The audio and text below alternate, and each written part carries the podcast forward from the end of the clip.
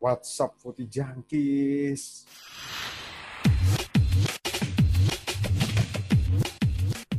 Tahu apa kamu soal bola?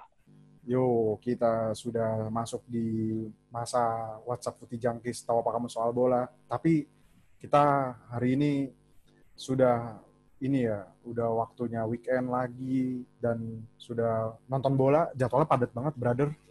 Untuk saat ini Parah. Parah sih. Bener. Rotasi pemain ini Kayak- jadi kelihatan gitu loh pemain tim-tim Iya, yang emang bener-bener. lapis duanya Gua- bagus sama enggak. Kalau Iya, iya. eh, kalaupun lu nggak nonton bola malam-malam itu, lu kalau bangun pagi tuh di YouTube tuh nongol aja highlight-highlight Iya. terbaru liga dari belahan liga mana pun, entah itu Inggris atau Itali atau Spanyol.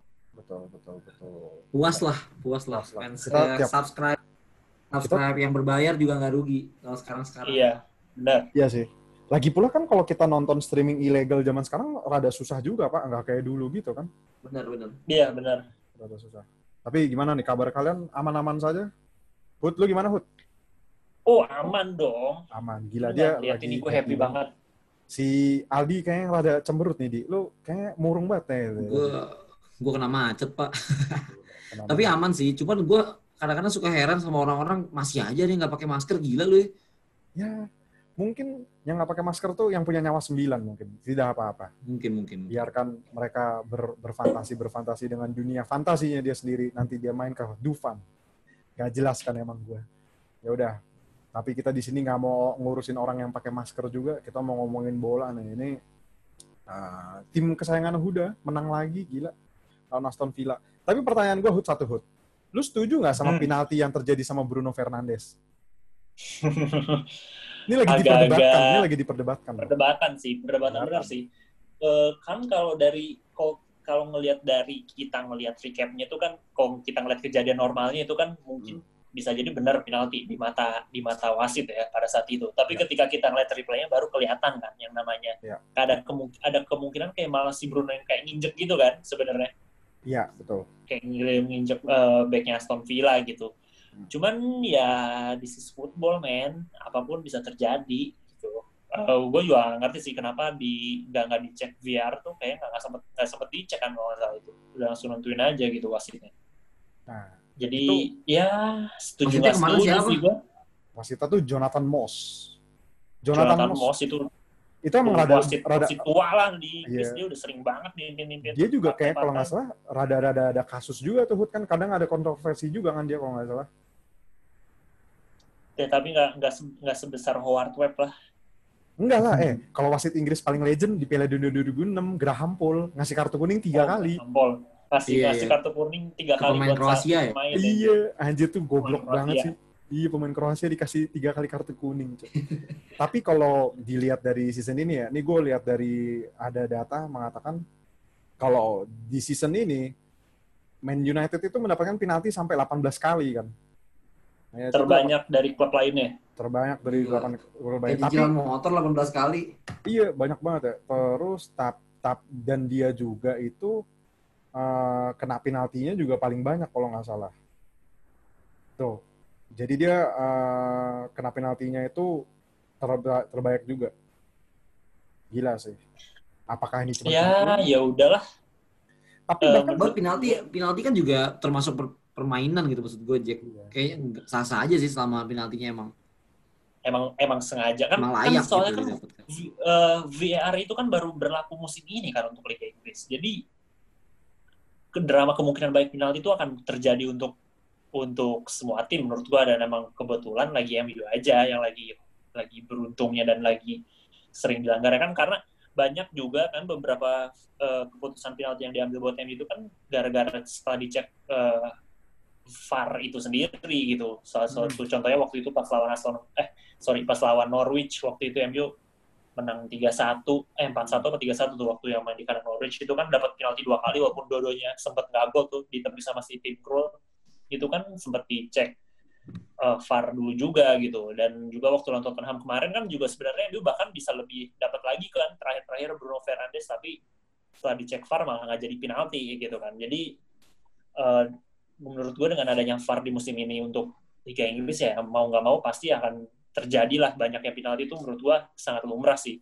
Tapi sebenarnya yang perlu disorotin di Liga Inggris, menurut gue sebenarnya bukan VAR-nya sih yang salah. VAR itu sebenarnya kan cuma alat pembantu kan. Sebenarnya trouble-nya sendiri itu kayak di wasitnya, sih Wasitnya. emang. Iya. Eh, wasitnya. Itu tahu sendiri kan wasit Inggris tuh kualitasnya kayak apa. Bahkan di Piala Dunia tahun dua tahun kemarin aja juga nggak ada wasit Inggris. Saking katroknya kualitasnya ya udah mending nggak diadain gitu. Tapi yang Terakhir lucu, tuh Mark Hansenberg yang agak lumayan sebenarnya. iya ya Mark Clattenburg ya.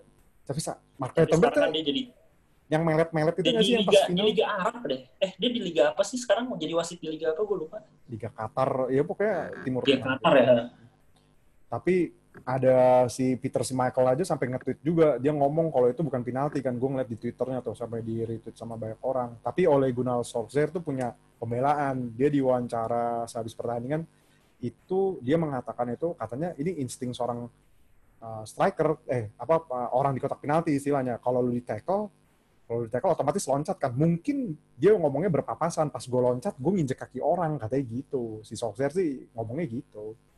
Cuman emang ya rada aneh sih. Bahkan itu di streaming di TV aja juga diulang-ulang terus kan. Kalau lu nonton tuh di matchnya itu. Diulang Tapi terus. tapi tapi kalau menurut menurut lu kan oke lah kalau nanya gue lah gue kan mau gimana pun ya gue seneng aja gitu menurut kalian kan dengan performa yang saat ini sangat menurut gue sih sangat baik dan konsisten ya MU ya menurut lu gimana gitu? Kalau menurut gue sih ya walaupun itu mungkin penalti nggak penalti tapi ada kemungkinan tetap MU bakal bakal, bakal menguasai pertandingan itu. Karena kan kalau lihat statistiknya kan kita lihat MU sangat di atas Aston Villa hal ini juga apalagi Aston Villa gitu kan. Eh, MU hampir De Gea tuh hampir nggak nepis kalau nggak salah di pertandingan tadi pagi gitu kan menurut lu gimana tuh eh, performnya MU seka- sekarang mungkin menurut kalian deh siapa dulu tuh Aldi dulu kali Aldi gimana di lu ngeliat Gua, MU iya. gimana? Gue gue tuh ngeliat MU cuman dari berita sebenarnya sama ya kadang-kadang highlight pertandingan. Jujur gue nggak nggak ngeliat tuh yang terakhir lawan Aston Villa penaltinya kayak gimana.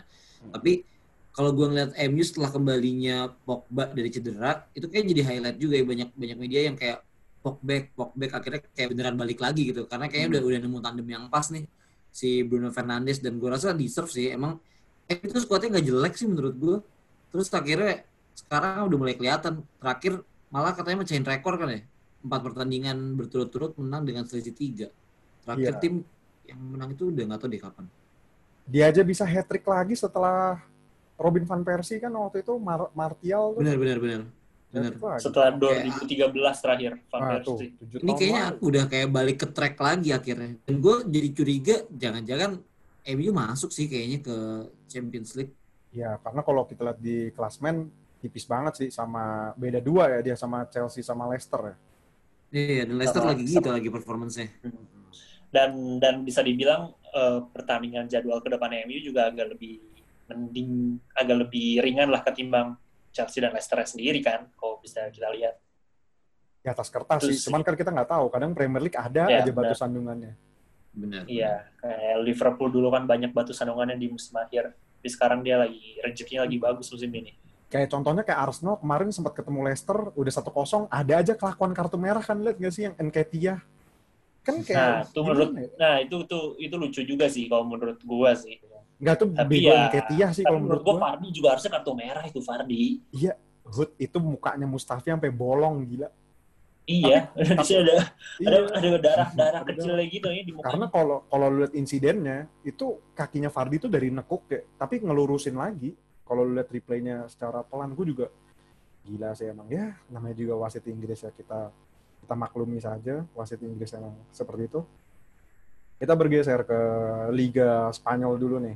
Liga Spanyol sebenarnya lagi ketat-ketatnya juga nih peringkat 3 sama 4 nih juga lagi ketat-ketat juga Atletico Madrid sama si siapa tuh Real Madrid sama Sevilla ya itu beda satu doang.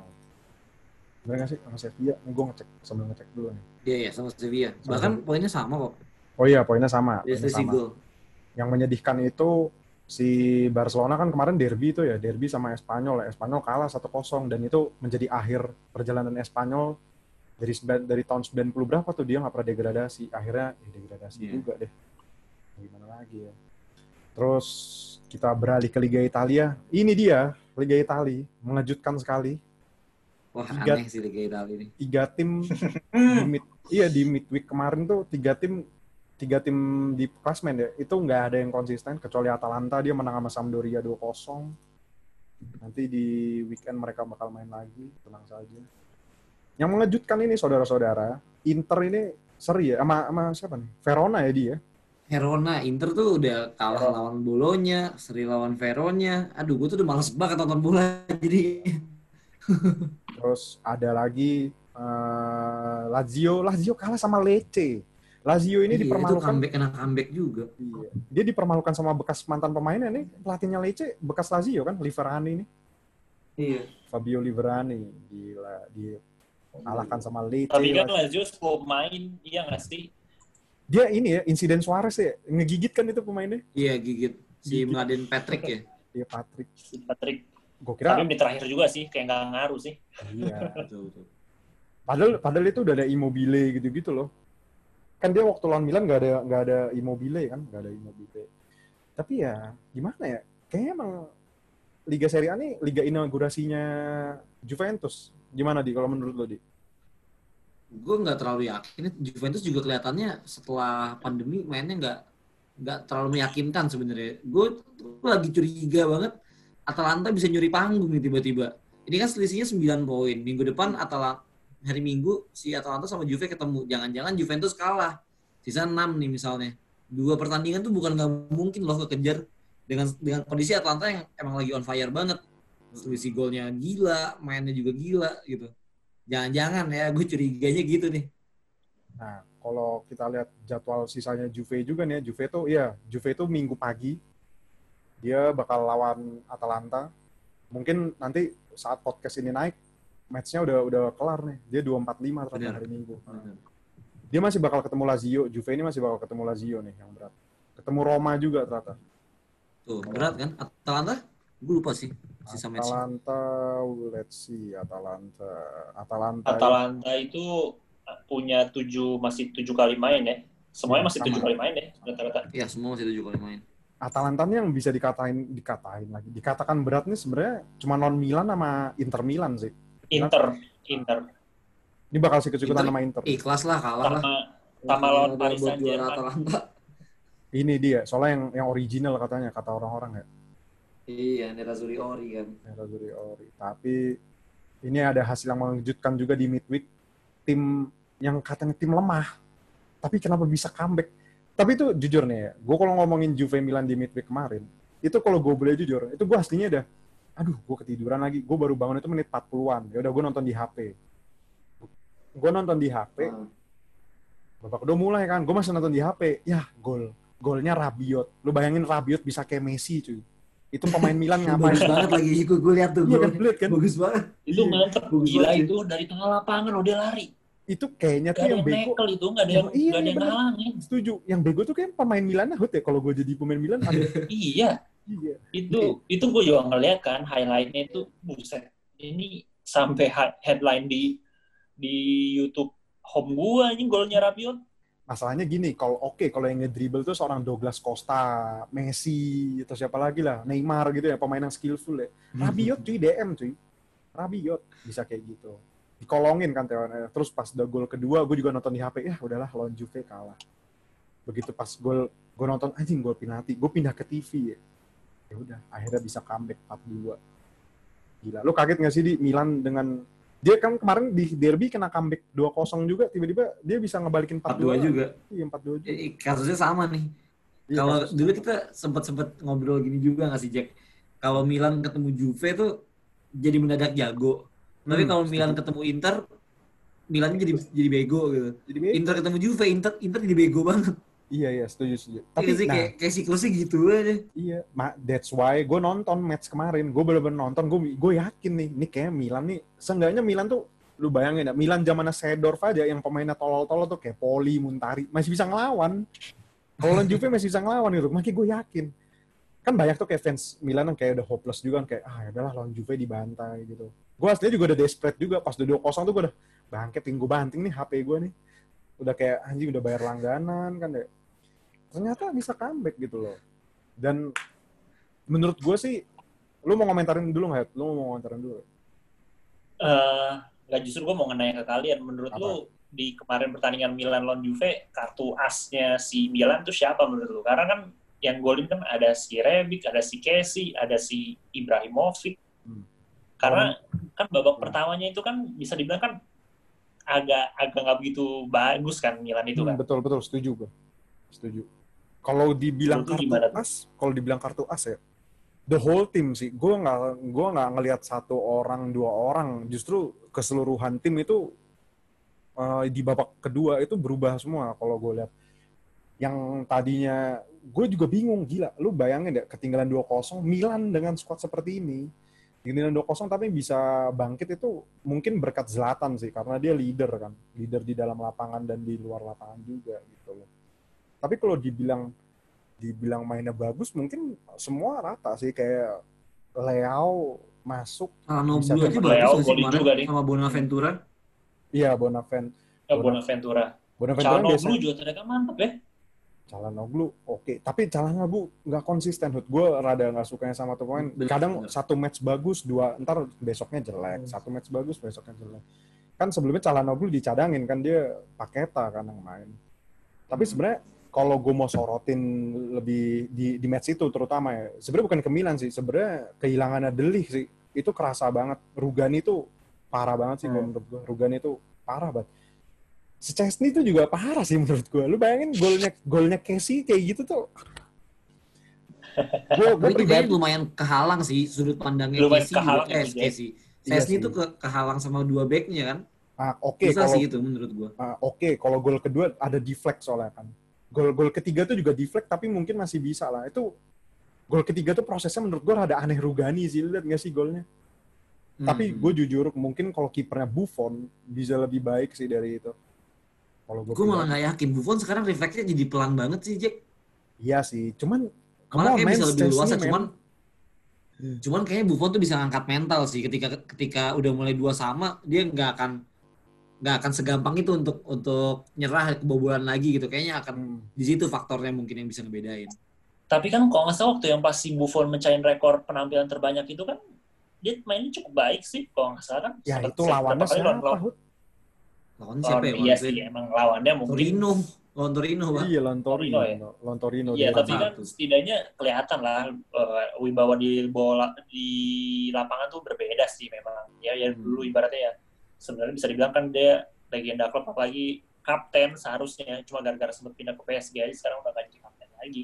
Iya. Gitu sih. nah Ya Bonucci juga menurut gua agak-agak kemarin kurang kurang ini sih. itu Bonucci goblok sih kalau menurut gue itu Iya, dia tangannya Bonucci ngapain coba ke depan sama Delik pak.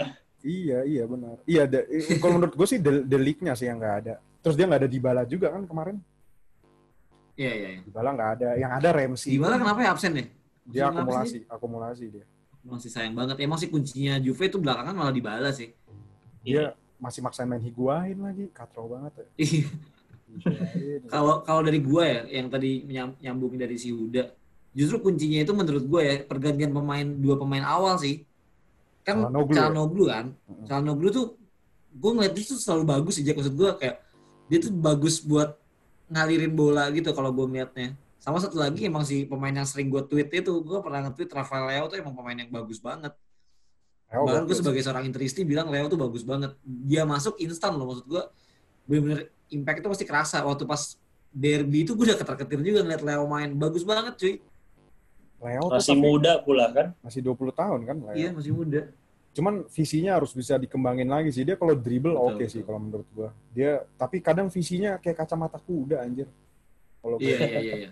kayak kacamata kuda. Kalau Calhanoglu Ya gua masih setuju muda, nih. masih muda lah, masih muda. Pengalaman ke depan masih banyak. Betul betul.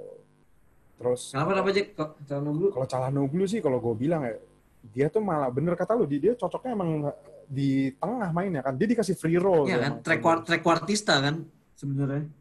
eh, anta ya boleh di ya, istilah roll boleh sama ini free roll ya pokoknya jadi lu dikasih keleluasan di Ah. tengah tuh udah enak banget dia ketimbang lu jadiin Ah, dia bener. winger tuh useless banget dia Hmm. nggak ada speed Dia pertama main role kayak gitu waktu derby kan.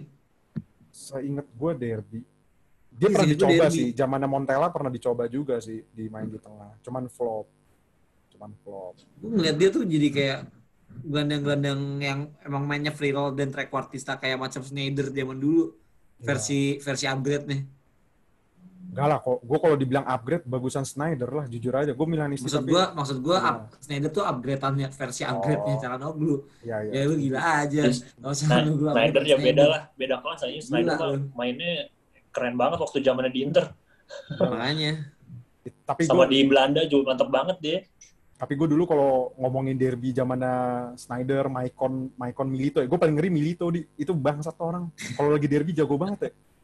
Iya. Sama Julius. Caesar tuh juga jago itu, loh. itu finishingnya. Lu lu tuh harusnya lebih ngeri sama Abate zaman-zaman itu. Nah iya, Aba, gue setuju. Itu gue inget banget. Abate itu pas derby sama Inter itu, itu goblok, blunder banget bangsat tuh pemain. Sering hands banget lagi berkali-kali, sampai kan? kayak sering banget. Iya. Lu inget gak sih Dia lagi, dia, dia lagi. Nah, lu inget gak sih yang ada long ball? Gue inget banget tuh yang derby yang pas Milan gagal Yang Scudetto. dari Zanetti kan. Nah, iya dari. Zanetti ke itu Milito. Nah, ke Milito yang dia itu sebenarnya bisa ngehalau Abate. Cuman nih si bangsat bolanya bisa lewat anjir tuh bangke. Tapi ngomong-ngomong Milan nih ya, ngomong-ngomong Milan nih lagi rame juga nih karena uh, kemarin ada berita sebelum sebelum ini sebenarnya beritanya udah dari Dese- Desember kemarin sih udah panas banget kan karena Pioli ini bakal digantiin sama sosok dari Jerman nih. Namanya Ralf Rangnick Ralf Rangnick. Tapi yang yang gua membuat gua rada lucu dia jabatannya malah banyak ya. Ada direktur football juga sama pelatih anjir. Gimana tuh ya? Gue juga bingung sih udah kayak udah kayak orang-orang di negara kita aja ya yang serakah sama jabatan ya. Angkap jabatan ya. iya nangkap Waduh. jabatan anjir.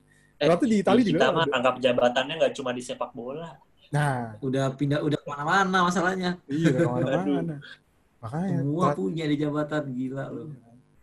tapi lu gimana Hud? lu eh gimana di lu sebagai fans Inter nih lu ngelihat rival lu datang seorang Gua ya. dari Jerman gimana Hud? gimana Kalau gua, gua tuh gak tau kenapa gak terlalu suka tim yang cepet ngambil keputusan gitu loh. Apalagi trennya lagi bagus. Kayak sekarang Pioli menurut gua layak loh untuk dipertahanin untuk dicoba di musim depan.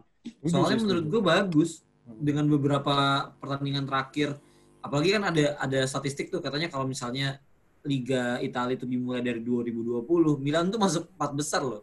iya iya Ya kan? iya bener-bener eh Lu- enggak lu sempat baca kan? eh di enggak di Zlatan kan ngomong gue kalau udah, udah dari awal musim di sini gue Scudetto Nah benar. Tai Nah Pioli itu masuk di di tengah musim kan? Tengah musim dia tengah musim Bulan apa ya? Setelah setelah transfer apa sebelum? dia itu masuk setelah Milan ngalahin Genoa pokoknya itu zamannya Giampaolo terakhir menang awal-awal sih Itu udah udah musim sebelum musim transfer berarti ya? Eh Enggak, setelah udah kan? udah selesai udah setelah setelah udah Udah selesai musim transfer. transfer berarti Eh, dia belum sempat ngerasain transfer kan? dia transfer Januari kemarin makanya kan ada Ibra gitu-gitu datang Ah. ah. tapi Nah, maksud gue layak sih untuk dicoba dan jatuhnya kayak akan mengulangi kesalahan yang sama lagi kalau misalnya lu ngeganti pelatih lagi gitu. Jadi kayak susah sih nge- nge-build nge-build tim kalau misalnya core-nya gonta-ganti mulu gitu sih. Yang gue rasain dari era banternya Inter tuh dulu kayak gitu, kayak dikit-dikit ganti pelatih. Akhirnya nggak bakal nemu. Ini kayak sebenarnya kemarin tuh Spalletti gue udah lumayan serak ya dengan dengan Spalletti karena kalau ketika diganti kontes sekarang kelihatan kan jadinya berubah lagi permainannya. Nah kalau misalnya di musim depan ada kabar juga tuh Conte mau diganti Allegri. oh Gue iya udah gue lihat baru baca statusnya nggak nggak nggak mau perpanjang kontrak dan itu kayaknya hanya akan mengulangi kesalahan yang sama lagi nggak sih? Gitu sih kalau menurut gue. Hmm. Paling paling sebenarnya Ranić tuh ditaruhnya jadi sporting director lah atau pelatih atau Pioli itu mungkin lebih enak sih. tapi sebenarnya gue bener setuju kata lo sih Pioli ini not bad sih kalau dibilang bad enggak dia tuh aplikasi di lapangannya kalau kita lihat Milan main ya sebelum dipegang Pioli sama Giampaolo Giampaolo tuh parah banget.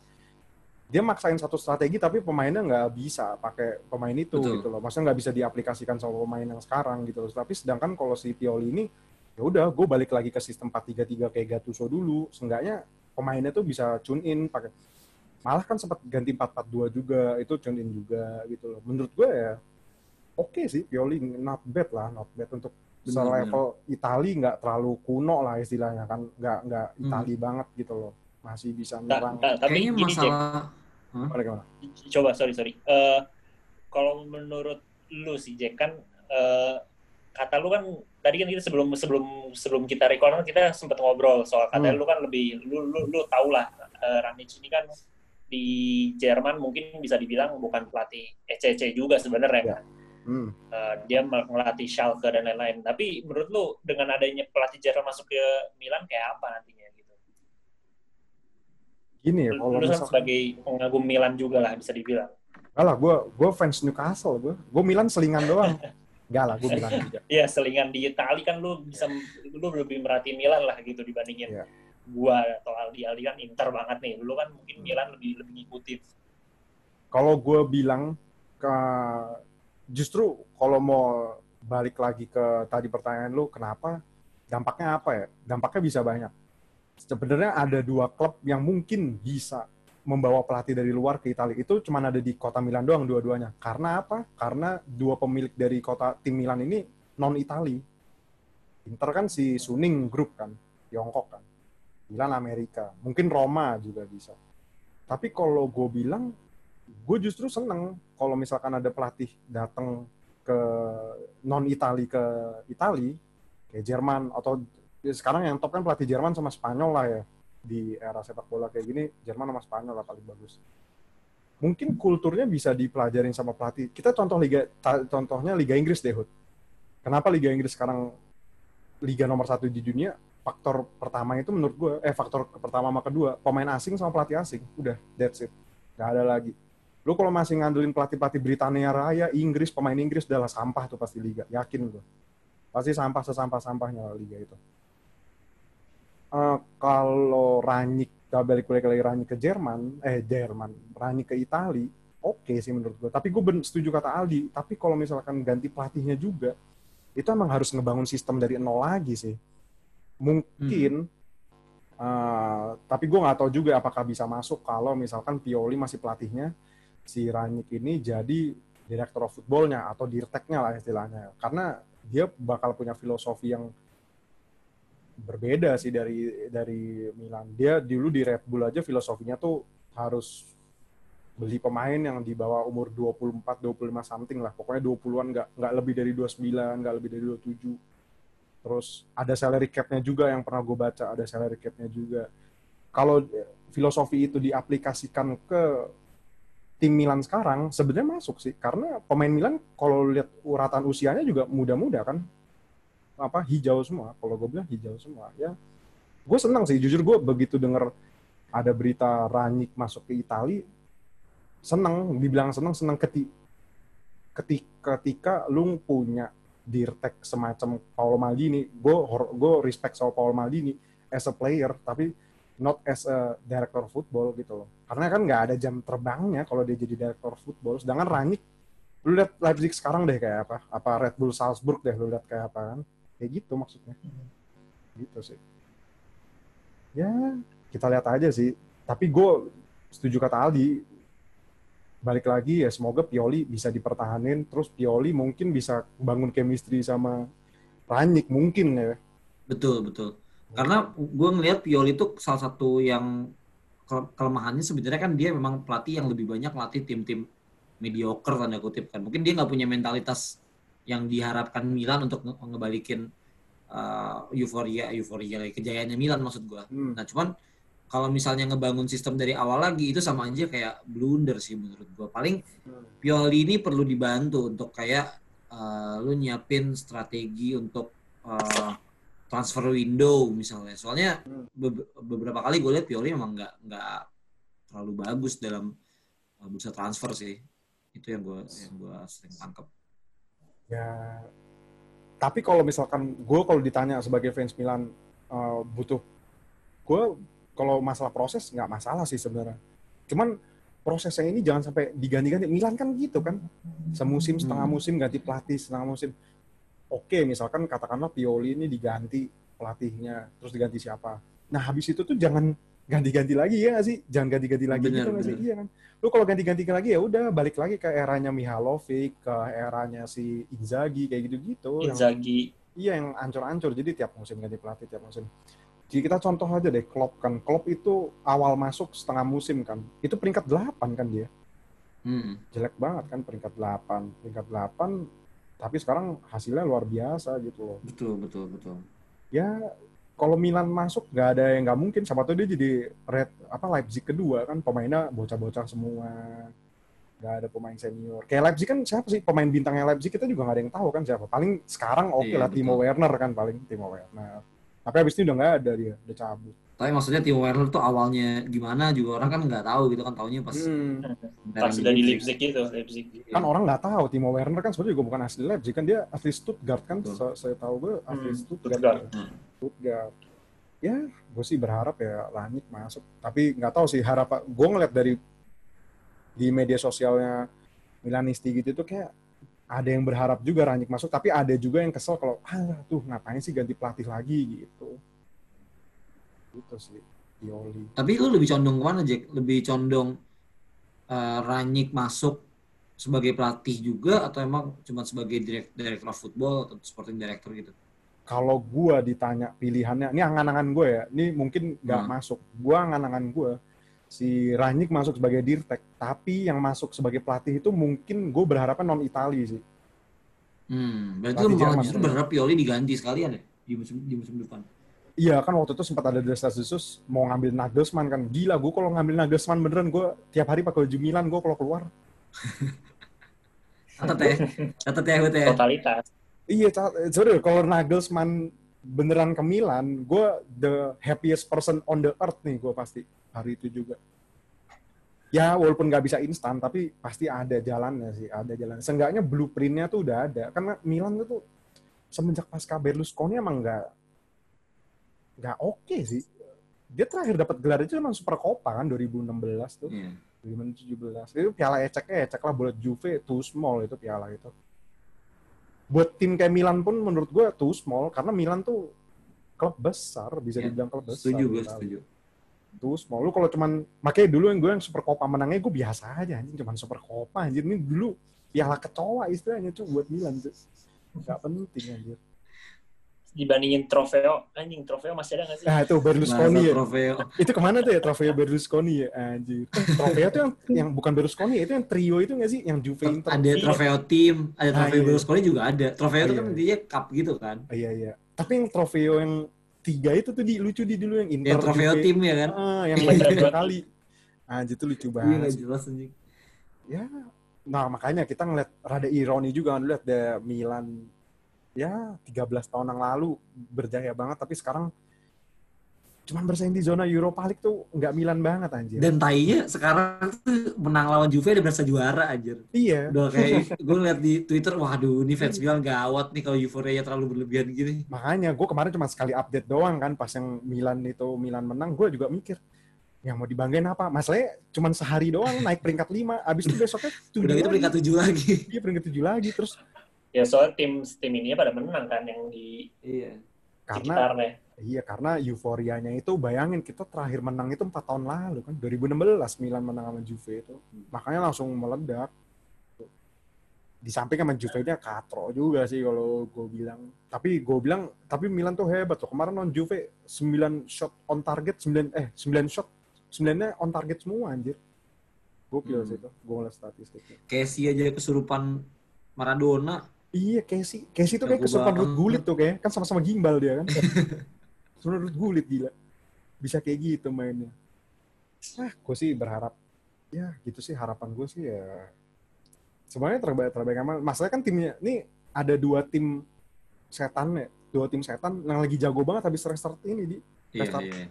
Tim Kayaknya emang yang dibutuh, ternyata yang dibutuhkan MU sama Milan tuh bukan pemain bintang ya. Cuma butuh pandemi ternyata mereka. Iya.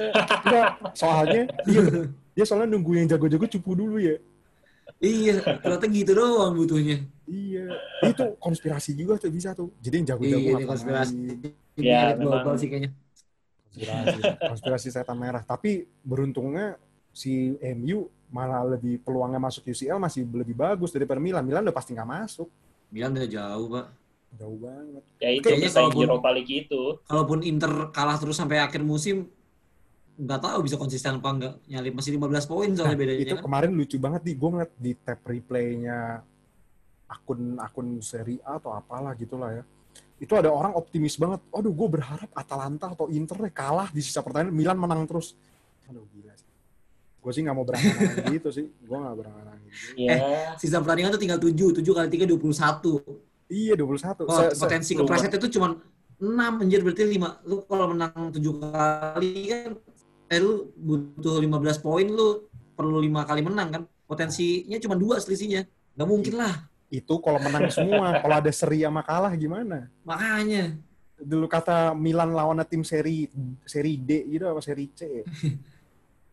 ya nggak tahu sih. Gue sih ya udahlah kalau bahas Milan ya udah sih. Udah capek juga di PHP juga lah bahas Milan. Tim gue kan doainnya di PHP mulu. Iya. iya bener. Makanya gue Newcastle juga kemarin kalah ya Jack Food lu lawan City mengharapkan apa sih? Gue jujur gue nggak nonton match itu. Jujur gue nggak nonton. Gue udah tahu pasti diobok-obok. So- soalnya gue nonton yang perempat final Piala FA kan. Nonton tuh gue. Ya ya udahlah, gue tidur aja deh. Makanya kemarin pas lawan City gue juga, ya ini mah udah pasti 5-0 bener kan 5-0. Gue sekarang lagi galau kalau bahas Liga Inggris malah FPL gue makin hancur. Udahlah, makin gak jelas. Kesel. Nah, tadi kan Milan Milan kan bersaing zona Eropa, MU juga lagi berzona lagi berjuang untuk zona Liga Inggris. Eh sorry Liga Champion. Nah, oh berarti Liga Champion bukannya baru keluar tuh undiannya ya? Oh, Iya, benar. Nah, Dulu nih. peluang-peluangnya nih gimana nih? Kita nggak usah bahas Menurut lah, kita bacain aja sekalian. dulu lah. Coba coba bacain Jack, Jack, bacain Jack. Nih, gue bacain nih. Kita bahas UCL dikit nih. aja. CL tuh, Uh, seru nih. Gue gue Wah, tapi gue senang banget lihat undiannya. Ini potensi Atalanta masuk final tuh besar sih. iya Iya. bisa. Ini tuh, Iya, karena nggak di bagan yang satu bagan sama Munchen. Hmm. Munchen tuh lagi gila banget kan. ini pokoknya nih gue bacain dulu nih ya quarter finalnya ini pemenang antara Real Madrid sama City bakal ketemu Juventus atau Lyon. Terus Leipzig itu lawan Atletico. Barcelona sama Napoli apa Barcelona atau Napoli bakal ketemu Bayern atau Chelsea. Terus Atalanta ketemu Paris Saint-Germain. Gila nih. Tapi bener kata lu di ini pot yang sebelah sana ya. Ini rata-rata tim gurem sih di di di atas kertas tim gurem bener. ya. Bener. Kecuali Paris sih yang pemainnya bener-bener ini, yang pemain Paris sama Atletico. Atletico kan lo tahu ahlinya cup dia. Iya. Tapi lu bayang gak sih kalau semifinal tiba-tiba nih Red Bull Leipzig sama Atalanta ya? Terus salah satu dari mereka Wah, masuk anjing sih final epic. lagi. Epic Iya. Wah itu kayak zamannya dulu ini Monaco lawan Porto anjing. Monaco Porto bener-bener. Iya. Cuman mereka nggak bisa ketemu di final, bener semifinal kan Iya, paling banter. Bagannya nggak nggak nggak cocok. Ya ntar Atalanta ketemunya Lyon, Pak. Nah, waduh, kalau ketemu Lyon gue pegang Atalanta serius gue. Atalanta gue. Anjing banget kalau finalnya Lyon Atalanta kayak yang nonton kita-kita doang deh. Gue gue kalau Ya, Atalanta kayak- final nonton gue serius deh. Atalanta final nonton gue. Nobar Atalanta musim sih. ini bagus sih. Itu ngalahin Valencia kemarin kan gede. Eh Atalanta, Bener, Atalanta di Serie A aja main baru 31 nih ya sampai detik ini juga 32 berarti Golnya ya. total udah, tiga 85 golinnya cuy. Baru 3-1 cuy Iya. mainnya. Kan 3-2 ntar. hari Bisa Minggu. sampai 100 gol itu dalam Bisa. satu musim. Bisa banget itu. Bisa banget. Hmm. Apalagi besok-besok dia masih bakal ketemu Milan. Kemarin aja kalah 5-0 kan Milan. Ntar kalah lagi tuh. Iya. Kalahnya sama Atalanta Milan. Nih, Cuman mau- gue nggak tahu kenapa untuk juara sih masih susah ya. Gue ngeliat nih Bayern Munchen lagi gokil-gokilnya. Gue nggak tahu kenapa Hmm. punya feeling Bayern Munchen juara sih musim ini. Nih, ini mau dibahas. UCL mau dibahas kalian kan nih? Apa nanti aja nih? Tapi Ya, gue apa nanti aja disimpan ya, disimpan buat topik lah, berikutnya jangan- kali ya. ah, jangan di Simpen spoiler lah. Kan masih ini Oh, Agustus boleh, mainnya. boleh, boleh. Masih mau Agustus. Agustus ini. Oh, Nanti kita Ayo, kehabisan bahan. Iya, boleh. boleh. Masih Agustus lah. Nanti kecuali kita ada, bahan lagi. kecuali kalau ada yang kecuali kalau ada yang tergelincir kayak Arsenal kemarin kan tuh bisa jadi bahan untuk Nah, kita omongin. Enggak, kecuali lu mau bahas Europa League secara full gitu. Udah seneng. Ya, Gue juga di- juga Inter juga anjir Inter. Lu nggak tahu itu Inter juga ada, ada eh, kemungkinan bisa masuk ke perempat final semifinal dan Bisa masuk final. final. Bisa masuk final kan? Bisa, tapi kita nggak ketemu di, bisa nggak ketemu di semifinal kan Hud? Iya, Nah, kalau itu bisa salah ya, final tuh yang Inter. Tuh, gue bisa final. Setahu gue bisa final. Oh iya bener. Tapi kalau Europa League gue nggak tahu kenapa tim-tim tim-tim kelas B macam Sevilla gitu-gitu yang selalu jago deh Sevilla, Benfica, yang gitu-gitu yang jago. Hmm. Oh si. Wolverhampton juga lumayan loh sebenarnya di Europa League. Iya, wow. Eh Trang Frankfurt lah. Gue megang yang Trang Frankfurt aja dah Liga malam Jumat. best nih. Ada Andre Silva soalnya pokoknya ada Milan Milan gue dukung. Tapi nggak, kita mungkin nggak ngomongin ininya deh, nggak ngomongin nanti ke depannya kayak gimana. Eh, mungkin eh, kan ada perubahannya kan jadi satu leg kan nanti per perempat finalnya. Oh iya. Menurut lu mempengaruhi nggak sih dengan ada cuma satu leg dan cuma pemain di di luar kota di di di kalau di itu di mana sih di Jerman sama di Turki ya? Kalau Europa League di Kalau- Jerman kalau nggak salah. Europa League. Hmm. Kalau yang si? UCL tuh di Portugal. Ya, menurut lu dengan satu leg gimana tuh mainnya tuh? Ada Ya. kecenderungan Nih gue nih gue apa, pendapat singkat. bakal lebih, lebih bertahan mungkin, bakal Nah. lebih pragmatis mungkin main. Kalau gue sih pendapat singkat dan padat. Ini justru bener kata Aldi. Kalau udah jadi satu lagi ini tim-tim kayak Atletico yang bangke ini pasti. Hmm. Ini Simeone kan lu tahu sendiri lah. Ini pasti aduh udah deh. Ini tim-tim kayak Yunani gitu-gitu di bahaya nih main satu leg kayak gitu. Bener-bener. Tim Turki gitu-gitu ya. Iya, pokoknya yang tim sebenarnya kansnya malah lebih gede sih jatuhnya. Lu tahu lihat sendiri deh di liga sekarang kan home and away itu kayak main di tempat netral. Nggak jadi ada nggak gunanya. nggak ada gunanya, Hmm. kayak nggak ada pressernya sama sekali, karena nggak ada penontonnya juga, sama aja sih. Apalagi tuh mainnya di tempat netral kan di Portugal tuh nanti UCL kan, perempat final sama sama. Ya lebih lebih hati-hati sih kalau menurut gua masing-masing tim. Ya kayak lu lihat kayak lu nonton Piala Dunia aja karena cuma main Bener, sekali kan. Betul. Eh, jadi ya hati-hati banget. Mainnya pasti Gak ada ada kesempatan buat revenge kan. Nah iya nggak ada, tapi gue bersyukurnya nggak ada dua leg itu apa, nggak ada gol tandang bangsat itu tuh kadang nyesek juga sih, kasihan juga. Itu emang menurut gue aturan aneh tuh, yang harusnya dihapus ya. Tapi ini kita nggak mau bahas lebar-lebar lah Liga Champions, nanti kita bahas di next episode. Bukan next episode sih, kita nunggu episode yang selanjutnya aja kali ya guys ya. Sama Europa. Kalau nunggu episode berikutnya kita kan sekarang nyari bahannya di mana yang bisa dikatain ya. Kan gitu Nah. sekarang kita. Betul betul. Ya udah, mungkin ini udah cukup di, lu nggak ada tambahan lagi Yaudah. kan, Di? episode kali ini. Gue udah cukup. Oke. Kita pamit undur diri di episode kali ini. See you next week. Tahu apa kamu soal bola.